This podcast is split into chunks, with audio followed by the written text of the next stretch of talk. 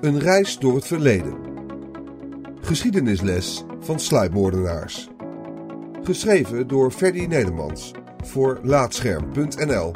Ingesproken door Arjan Lindeboom. Op de middelbare school was geschiedenis een van mijn favoriete vakken. Met veel plezier verslond ik informatie over het oude Griekenland, het Romeinse Rijk of de Eerste Wereldoorlog en ik schreef mijn profielwerkstuk over gladiatoren.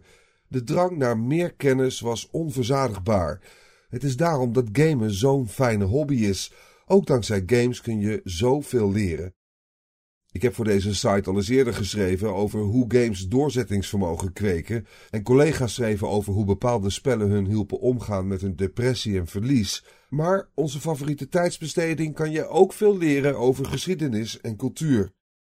Een van de series die mij in aanraking heeft gebracht met verschillende historische periodes is Assassin's Creed. De langlopende gameserie over een assassijnengilde plaatst je in de schoenen van verschillende sluipmoordenaars door de geschiedenis heen, van het oude Rome tot aan de Franse Revolutie. Hoewel de hoofdpersonen van Altair uit de eerste Assassin's Creed tot Bayek uit de meest recente verschijning allemaal fictief zijn, zijn veel van de personen, omgevingen en gebeurtenissen uit de games tot op bepaalde hoogte waarheidsgetrouw. Zo draait de gehele serie om twee partijen: de Assassijnen en de Tempeliers. Beide groepen hebben echt bestaan en sommigen beweren, ondanks alle geschiedenisboeken die het tegenovergestelde verkondigen, dat ze nog steeds actief zijn. De manier waarop deze partijen worden neergezet in de game is echter historisch inaccuraat.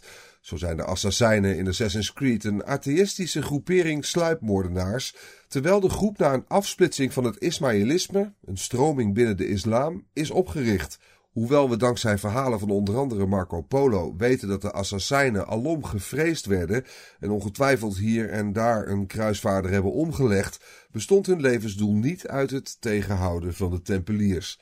Hun aandacht ging uit naar het uitoefenen van hun macht en het omleggen van Soenitische leiders in de regio die dit ondermijnden. Daarnaast kan ik ook met zekerheid zeggen dat ik nog nooit vermeldingen van de Apple of Eden ben tegengekomen in de geschiedenisboeken. Het mogen duidelijk zijn dat er flinke verschillen zitten tussen de waarheid en wat ons in de Assassin's Creed-serie wordt voorgeschoteld. Toch is de game mijns inziens historisch relevant en bovenal interessant. De omgevingen waarin de games zich afspelen hebben grote invloed gehad op de wereld zoals we die nu kennen.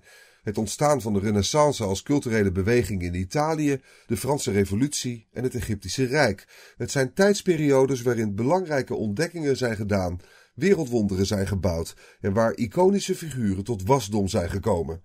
De game mag dan niet tot in de puntjes nauwkeurig zijn. Het heeft mij in ieder geval geïnspireerd er meer over op te zoeken. Zo dook ik na Assassin's Creed 2 vol in de geschiedenis van het huis Borgia en weet ik inmiddels meer over piramides en Egyptische goden dan ik ooit had verwacht te weten. Af en toe zit gamen het ontdekken een beetje in de weg. Soms wil ik gewoon rondlopen in een gebied en de architectuur en informatie tot me nemen zonder dat ik vijanden aan het spit moet rijgen en opdrachten moet voltooien. Ubisoft snapt mijn frustratie blijkbaar, want eind vorig jaar kondigde de Franse ontwikkelaar de Discovery Tour modus aan voor Assassin's Creed Origins, de meest recente iteratie uit de serie.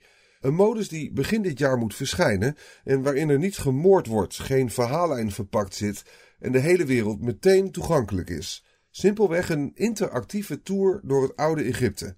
Geschiedenislessen kunnen wel een stukje pakkender zo, lijkt de gedachte. Verpakt in sessies van ongeveer 20 minuten word je door Egypte heen geleid.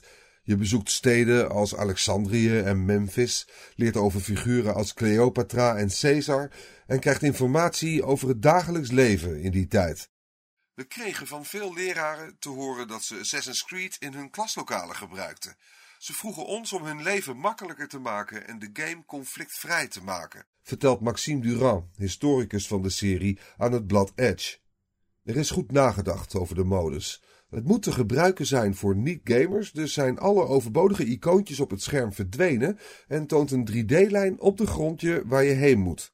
We zien de game als een potentieel leermiddel. Wanneer spelers tijd in onze wereld besteden, kunnen we dit gebruiken om ze meer te brengen dan enkel impactloos plezier, zegt Jean Guédon, creative director van de game, in Edge. Met Serious Games zijn ontwikkelaars natuurlijk al tijden druk bezig met het overdragen van kennis aan spelers, Maar hoe goed ze daar ook in zijn, ze hebben niet het miljoenen publiek van de topgames.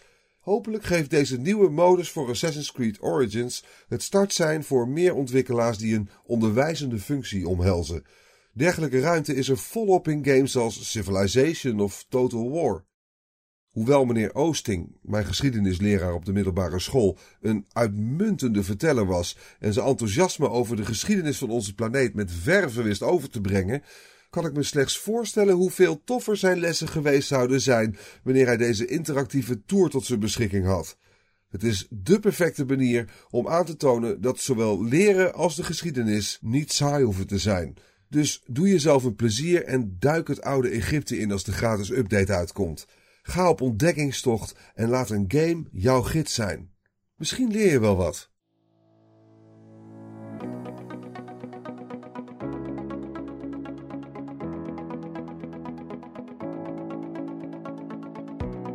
Dankjewel voor het luisteren naar Laatscherm voorgelezen.